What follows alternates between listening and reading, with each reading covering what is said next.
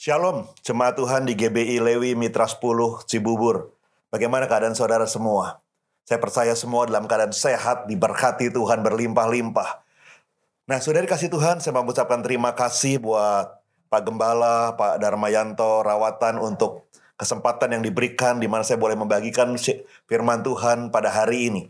Saya percaya firman ini biarlah menjadi berkat buat setiap kita, di tengah-tengah situasi pandemi, di tengah-tengah era Pentakosta yang ketiga, di mana Roh Kudus sedang dicurahkan Tuhan dengan begitu dahsyatnya untuk mempersiapkan kita menjadi messengers-messengers di era Pentakosta ketiga. Mari sebelum kita membaca firman Tuhan, kita akan berdoa terlebih dahulu. Bapa, Engkau berkati setiap perkataan firman-Mu ya Tuhan, sehingga firman-Mu tidak pernah kembali dengan sia-sia ya Tuhan.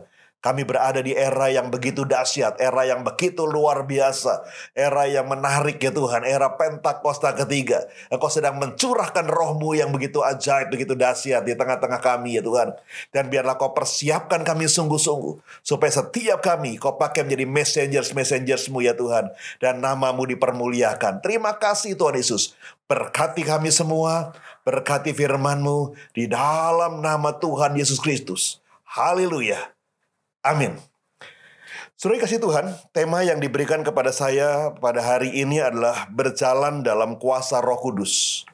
Saya akan bacakan buat saudara atau saudara bisa baca bersama-sama saya dengan dari kisah Rasul pasal 2 ayat yang ketiga sampai dengan ayat yang keempat. Inilah peristiwa di mana Pentakosta pertama terjadi, bagaimana Roh Kudus pertama kali dikenal oleh murid-murid dan dicurahkan di loteng atas. Kisah Rasul pasal yang kedua ayat 2 sampai ke 4. Sama-sama kita baca yuk.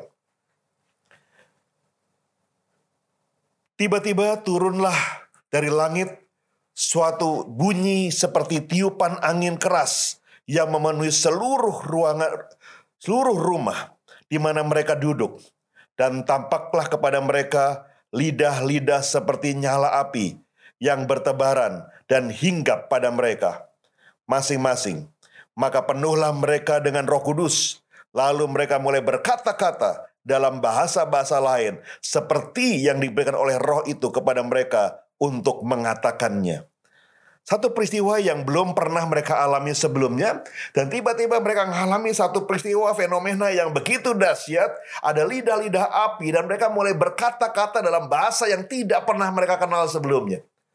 Nah, pencurahan Roh Kudus tidak hanya membuat mereka mulai berbahasa dengan bahasa yang baru, Walaupun memang tanda awal daripada orang yang dipenuhi roh kudus adalah mereka mulai berbahasa roh. Tapi roh kudus juga memberikan kuasa kepada mereka. Roh kudus juga memberikan pengurapan kepada mereka. Sehingga mereka mengalami begitu banyak dampak dalam kehidupan mereka. Mari kita lihat. Yang pertama. Roh kudus mulai mengubah kehidupan mereka. Hidup murid-murid pada waktu itu diubahkan waktu mereka diurapi oleh roh kudus. Kisah Rasul pasal 2 ayat 42 sampai 47 dikatakan bahwa mereka mulai suka bersekutu bersama-sama dengan firman Tuhan.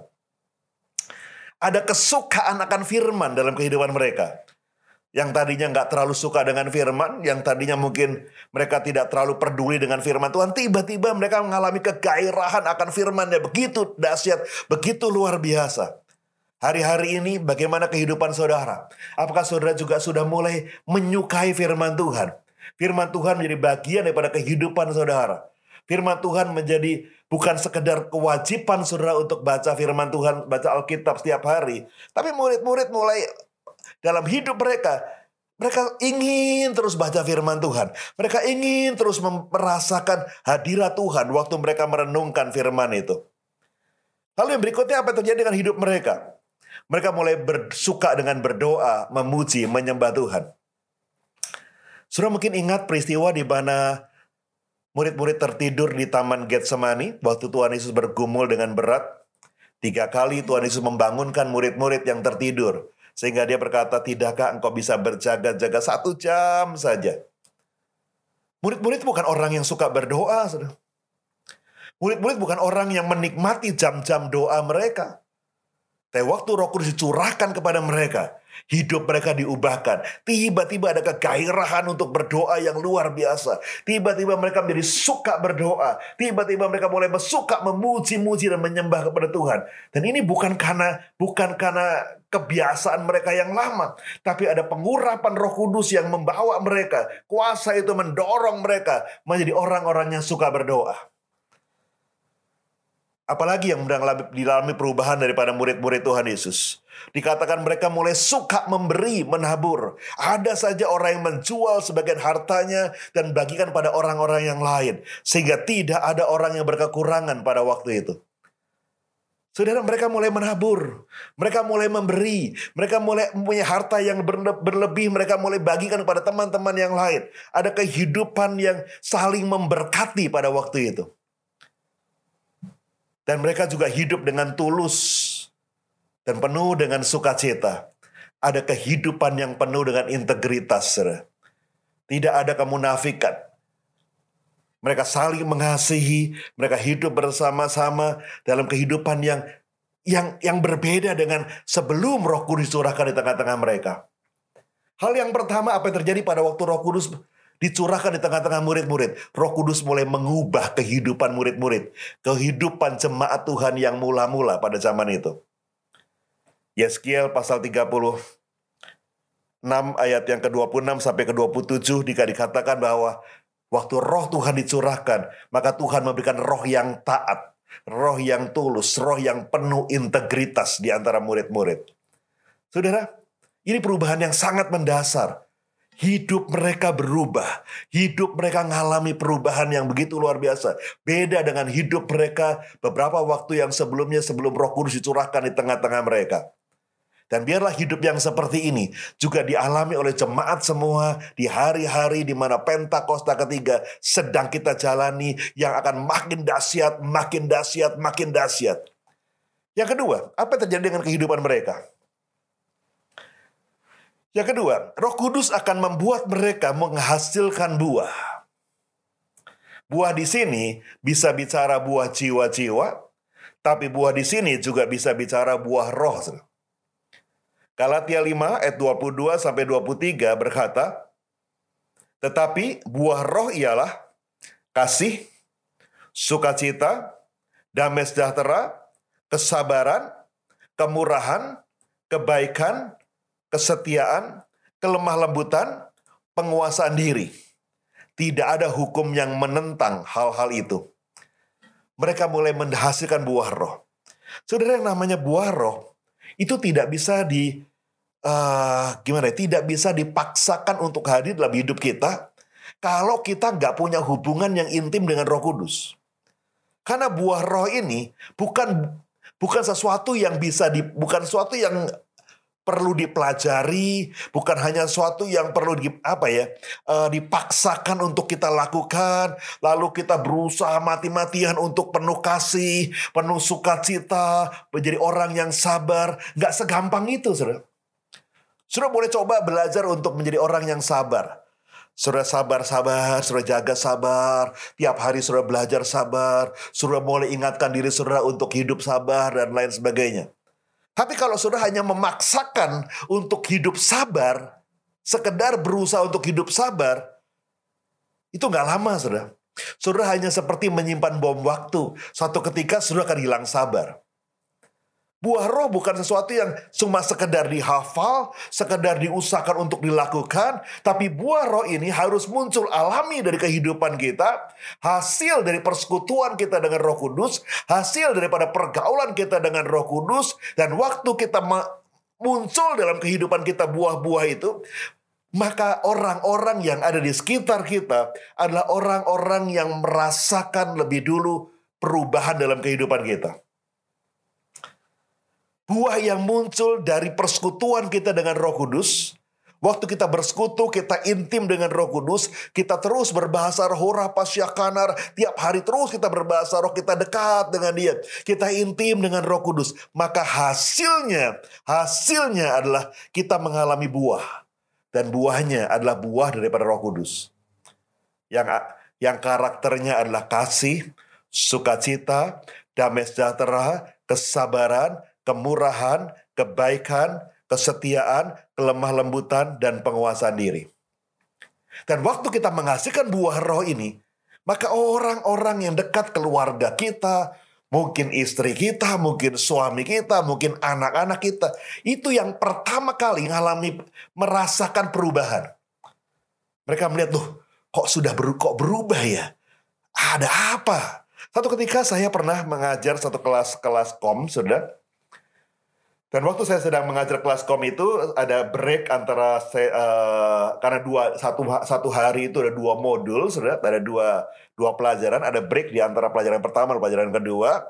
Lalu sementara ada break, kita diberi break 10 menit, ada yang mau ke toilet dan lain sebagainya. Dan di tempat itu juga disediakan uh, teh, kopi dan ada snack. Lalu ada seorang bapak menghampiri saya dan dia berkata begini, Pak, bisa mau kita sambil ngobrol ya Pak sambil minum teh. Oke, silahkan Pak duduk. Lalu apa itu cerita? Sebetulnya saya ini bukan orang Kristen Pak. Saya ini juga ikut kelas kom ini juga sebetulnya hanya ingin coba-coba. Tuh, kok coba-coba? Tapi saya pikir lama hati coba-coba aja sudah sampai 130.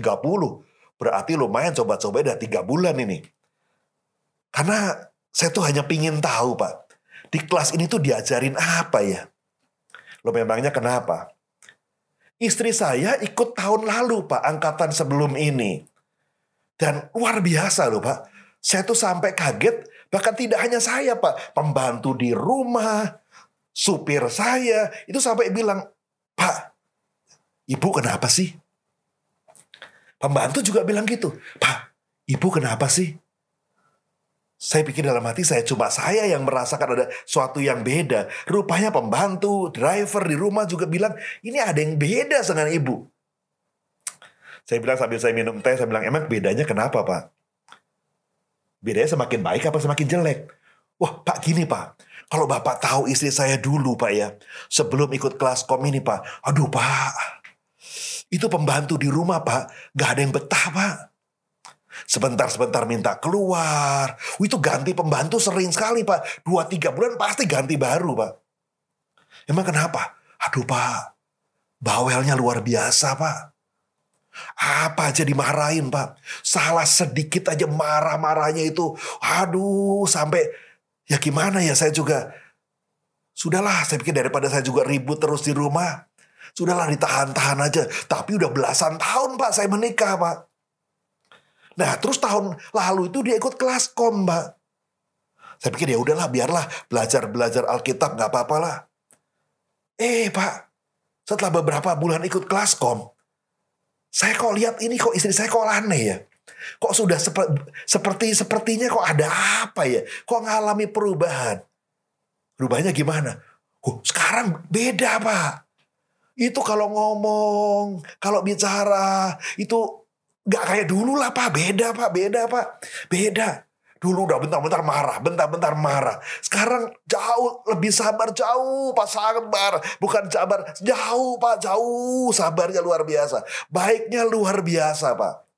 Saya pikir cuma saya pak yang ngerasa. Supir di rumah juga ngomong. Pak, ibu juga, pembantu di rumah juga ngomong, ibu kenapa sih? Mereka nganggapnya sesuatu yang aneh terjadi. Makanya saya penasaran Pak. Saya mau ikut kelas kom ini, saya mau tahu aja Pak. Di kelas kom ini diajarin apa sih? Dicekokin apa sih istri saya Pak? Kok bisa sampai seperti itu? Saya bilang Pak, kita nggak ada nggak ada ajaran apa-apa. Bapak sudah ikut berapa bulan? Dua tiga bulan kan? Iya sih Pak. Tapi istri Bapak mulai mengenal yang namanya Tuhan Yesus. Istri Bapak mulai mengenal yang namanya Roh Kudus. Dan saya percaya istri Bapak mulai dipenuhi oleh Roh Kudus. Dan waktu istri Bapak terus baca firman tiap hari. Terus penuh dengan Roh Kudus tiap hari. Terus berbahasa roh tiap hari. Maka Roh Kudus itu menghasilkan buah-buah roh dari kehidupan istri Bapak. Dan Bapak driver di rumah, pembantu di rumah, merasakan dampak yang berbeda. Waktu istri Bapak penuh dengan roh kudus. Oh gitu ya Pak. Saudara, suaminya sampai heran saudara. Kok bisa seperti itu? Waktu roh kudus memenuhi kita. Dan waktu kita terus bergaul, terus bergaul, terus bergaul. Yang dihasilkan adalah buah roh dari kehidupan kita itu muncul. Ada buah roh yang muncul. Buah yang dihasilkan dari pergaulan kita. Dari keintiman kita dengan roh kudus. Saya berdoa biar setiap jemaat Tuhan yang hadir dalam ibadah onsite maupun melaksikan lewat online di YouTube, sudah semua penuh Roh Kudus, sudah semua penuh Roh Kudus, dan sudah semua tidak hanya penuh Roh Kudus, tapi semua juga menghasilkan buah-buah Roh, sehingga banyak orang merasakan buah Roh dari kehidupan saudara, dan nama Tuhan dipermuliakan. Yang ketiga, saudara, apa dampak yang ketiga daripada daripada Roh Kudus yang mendorong kita, memberikan kuasa kepada kita? Kisah Rasul pasal yang pertama ayat yang ke-8, firman Tuhan katakan begini. Tetapi kamu akan menerima kuasa kalau roh kudus turun ke atas kamu. Dan kamu akan menjadi saksiku di Yerusalem dan di seluruh Yudea dan Samaria dan sampai ke ujung bumi. Wow, saudara. Luar biasa, saudara. Tuhan tahu tidak mudah untuk bersaksi, saudara. Tuhan tahu kemampuan kita untuk menjadi saksi itu bukan perkara mudah. Nah, apa sih yang namanya saksi, saudara? Seorang saksi adalah seorang saksi pengadilan, saudara. Itu adalah seorang yang menceritakan apa yang dia lihat, apa yang dia dengar dengan sejujur-jujurnya tanpa dikurangi, tanpa ditambahi, saudara. Jadi namanya seorang saksi di pengadilan adalah orang yang punya tugasnya dia hanya cerita, saudara cerita apa yang dia ceritakan, apa yang dia dengar, apa yang dia lihat melalui kejadian yang sedang diadili di sana. Dan dia nggak boleh nambahin dan dia nggak boleh uh, kurangin sesuatu. Ya itu aja yang diceritain sama dia. Nah apa yang Tuhan mau dari hidup kita? Saudara, saya percaya. Saudara pernah ngalamin mujizat daripada Tuhan. Saudara pernah ngalamin disembuhkan waktu saudara sakit. Sudah pernah ngalamin waktu sudah ngalami problem, masalah di rumah tangga, di keluarga, di bisnis, dan tiba-tiba tepat pada waktunya Tuhan buat breakthrough dalam kehidupan saudara. Tuhan bikin terobosan dalam kehidupan saudara. Saya percaya sudah pernah ngalamin itu. Nah, yang Tuhan mau adalah apa yang kau alami bersama Tuhan, ceritakan itu pada orang-orang sekitar saudara, ceritakan itu pada teman-teman saudara, ceritakan pada teman-teman di kantor, ceritakan pada teman-teman di kampus, mungkin kalau saudara masih kuliah, ceritakan di tengah-tengah masyarakat sekitar saudara, pergaulan saudara, supaya melalui cerita itu mereka mulai kenal Yesus dan nama Tuhan dipermuliakan. Banyak orang khawatir untuk bersaksi. Banyak orang juga takut untuk bersaksi. Waduh gimana ya, saya nggak bisa, saya mesti ngomong apa nanti. Wah, saya nggak hafal firman Tuhan. Seorang saksi, Alkitab katakan bukan hanya sekedar tidak tidak harus mengutip firman Tuhan, tapi dia ceritakan, ceritakan apa yang dia alami bersama Yesus, apa yang dia hadapi bersama Yesus dan dia ceritakan kembali. Saudara, dan waktu dia ceritakan kembali, maka akan terjadi dampak yang besar. Mujizat terjadi. Orang-orang mulai datang kepada Tuhan Yesus. Orang-orang mulai kenal Tuhan Yesus. Di Alkitab sudah mungkin ingat ada sebuah kisah seorang perempuan Samaria yang Alkitab nggak tulis namanya siapa. Saudara. Kalau kita nggak tulis namanya siapa, berarti orang ini bukan siapa-siapa juga, sur ya. Tidak terlalu populer juga pada masa itu. Jadi ya, ya, ya, ya hanya seorang perempuan Samaria yang tidak dikenal oleh siapa pun juga.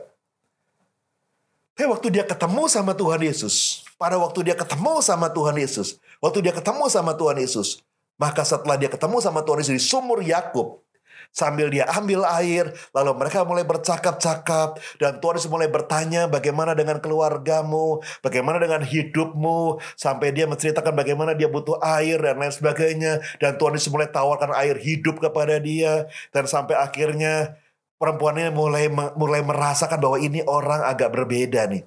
Ini orang luar biasa nih. Dia mulai berpikir dalam hati, jangan-jangan ini yang sedang banyak diceritakan hari-hari ini. Yang sedang viral di daerah kami. Bukankah jangan-jangan orang ini yang namanya Yesus? Dan tiba-tiba, tiba-tiba waktu dia sangat yakin, wah ini benar ini. Orang yang ngobrol sama saya ini Yesus ini. Ini guru yang luar biasa itu. Dia kembali, dia tinggalkan tempayannya. Alkitab katakan dalam Yohanes pasal 4, dia lari kembali ke kotanya. Dan di sana dia bercerita pada semua orang. Aku bertemu dengan seorang yang luar biasa. Mungkinkah orang itu Yesus namanya? Maka banyak orang kota itu datang kepada sum, pada Tuhan Yesus di sumur Yakub dan mereka juga bertemu dengan Tuhan Yesus. Perempuan ini nggak mengupas ke ayat Alkitab.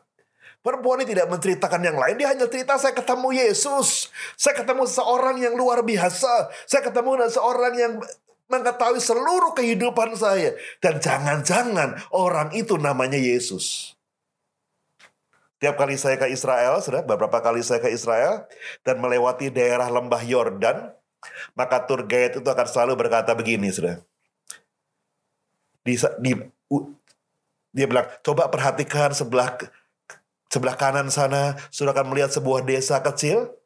Kami lihat ada memang ada desa kecil di sebuah kaki bukit, sudah. Dan lalu dia berkata, itulah yang namanya desa Sikar. 2000 tahun yang lalu di desa itu ada seorang perempuan yang bertemu Yesus. Dan dia menceritakan pertemuannya dengan Yesus kepada seluruh penduduk kota itu. Dan sekarang kota itu menjadi kota Kristen. Karena semua, hampir seluruh penduduknya percaya kepada Tuhan Yesus. Saudara, Tuhan tahu tidak gampang untuk menjadi saksi. Kadang-kadang kita khawatir, Kadang-kadang kita takut. Oleh sebab itulah roh kudus diberikan kepada kita. Dan roh kudus itulah yang memampukan kita untuk menjadi saksi. Waktu kita dipenuhi oleh roh kudus. Dan kita mengalami banyak hal-hal yang luar biasa bersama Yesus. Roh kudus akan memberikan dorongan sama kita.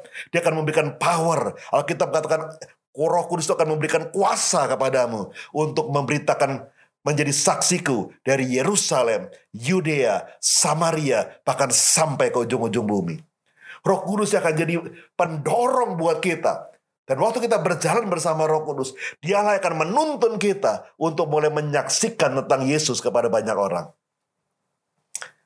Di era Pentakosta yang ketiga ini, Tuhan sedang persiapkan setiap kita untuk jadi messengers-messengers dari Pentakosta ketiga untuk pergi bahkan sampai ke bangsa-bangsa untuk menyaksikan bahwa Yesus itu luar biasa. Untuk menyaksikan bahwa Yesus itu dahsyat. Kalau sudah pernah disembuhkan Tuhan, sudah pernah mengalami mujizat bersama Tuhan Yesus, mari ceritakan sama semua orang. Ceritakan kepada semua orang. Mungkin kau ketemu dengan temanmu yang sudah lama gak ketemu. Ceritakan sama dia. Mungkin kau ketemu dengan keluargamu waktu liburan sama-sama. Ceritakan sama dia bahwa ada Yesus yang pernah sembuhkan saudara. Ada Yesus yang pernah tolong saudara. Ada Yesus yang pernah mengubah hidup saudara. Dan biarlah melalui kesaksian saudara, nama Tuhan dipermuliakan. Dan banyak orang datang pada Tuhan Yesus. Sudah kasih Tuhan. Apa yang Roh Kudus sedang kerjakan hari-hari ini di era Pentakosta ketiga? Kita belajar tiga perkara. Yang pertama, Roh Kudus mengubah hidup kita. Menjadi murid seperti murid-murid Tuhan Yesus yang suka dengan firman, suka berdoa memuji Tuhan, suka menabur, dan hidup dengan tulus di hadapan Tuhan. Yang kedua, Roh Kudus membuat kita menghasilkan buah roh. Galatia 5 berbicara mengenai buah roh yang dihasilkan dalam kehidupan kita. Itu bukan buah yang direkayasa, tapi buah yang hasil dari persekutuan pribadi kita dengan Tuhan. Hasil persekutuan pribadi kita dengan roh kudus. Dan yang ketiga, roh kudus memberikan kuasa untuk memberitakan tentang Yesus, menjadi saksinya ke mana pun kita pergi, dan biar nama Tuhan dipermuliakan. Saya berdoa, biar setiap saudara yang hadir, baik online maupun onsite, Tuhan pakai setiap saudara menjadi messengers, messengersnya Tuhan di era Pentakosta ketiga yang dahsyat ini. Di depan kita ada satu penuaian jiwa yang terbesar, terakhir, yang belum pernah terjadi. Dan setelah itu Tuhan Yesus akan datang kembali untuk kedua kalinya. Mari kita berdoa. Oh rabasyakana makuria labasyakana. Bapak terima kasih ya Tuhan. Untuk kesempatan kami boleh beribadah pada hari ini. Kami percaya, kami punya Allah yang dahsyat. Kami punya Allah yang luar biasa. Kami ada di era yang begitu dahsyat bersama dengan roh kudusmu. Kami sedang berjalan bersama roh kudusmu hari-hari ini ya Tuhan. Dan roh kudus telah memberikan kemampuan kami untuk hidup menjadi messengers-messengersmu ya Tuhan. Siap dipakai Tuhan untuk masuk dalam satu penuaian terbesar dan terakhir. Bapak, hamba berdoa daripada setiap jemaatmu yang hadir secara onsite maupun secara online. Berkati mereka, pakai setiap mereka ya Tuhan. Biarlah kuasa roh kudus itu menghidupi setiap kehidupan mereka. Hidup bersama-sama mereka. Di mana pun mereka berjalan, ada mujizat di sana. Ke mana pun mereka pergi, ada perkara-perkara dahsyat di sana. Dan ke mana pun mereka berbicara, nama Tuhan akan dimuliakan. Kristus akan diberitakan kepada banyak orang. Berkati anak-anakmu ya Tuhan. Pakai setiap mereka. Dan kalau hari-hari ini ada anak-anakmu yang sedang mengalami masalah, pergumulan, sakit penyakit, masalah rumah tangga.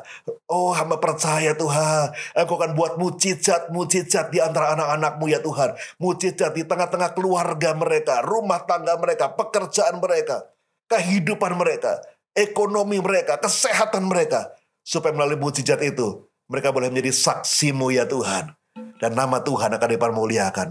Terima kasih Tuhan Yesus, terima kasih. Di dalam nama Tuhan Yesus, mari bersama-sama kita katakan, amin. Tuhan Yesus memberkati saudara semua. Haleluya.